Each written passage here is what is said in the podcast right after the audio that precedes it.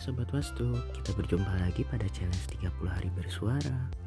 Untuk episode kali ini akan membahas tentang semangat. Dapat diartikan semangat itu seperti api yang membara. Kobaran apinya bergejolak mengeluarkan tenaga yang panas.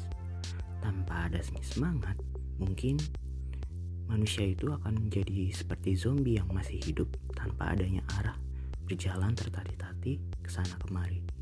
Jangan sampai semangatmu juga malah merugikan orang lain. Misalnya, ketika tengah malam kamu sedang bekerja lembur, untuk memacu diri jadi semangat, kamu memutarkan musik dengan volume tinggi yang sadar atau tidak sadar telah mengganggu orang-orang di sekitarmu.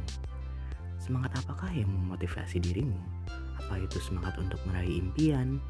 Atau sekedar semangat dalam menjalani kehidupan sehari-hari? Semua semangat harus melalui sebuah proses yang matang. Sehingga satu kata semangat saja tak akan cukup jika tidak ada kegigihan, pantang menyerah sebelum mencapai sebuah tujuan. Hingga suatu saat kita dapat memetik hasil dari perjuangan hidup kita. Sekian, terima kasih.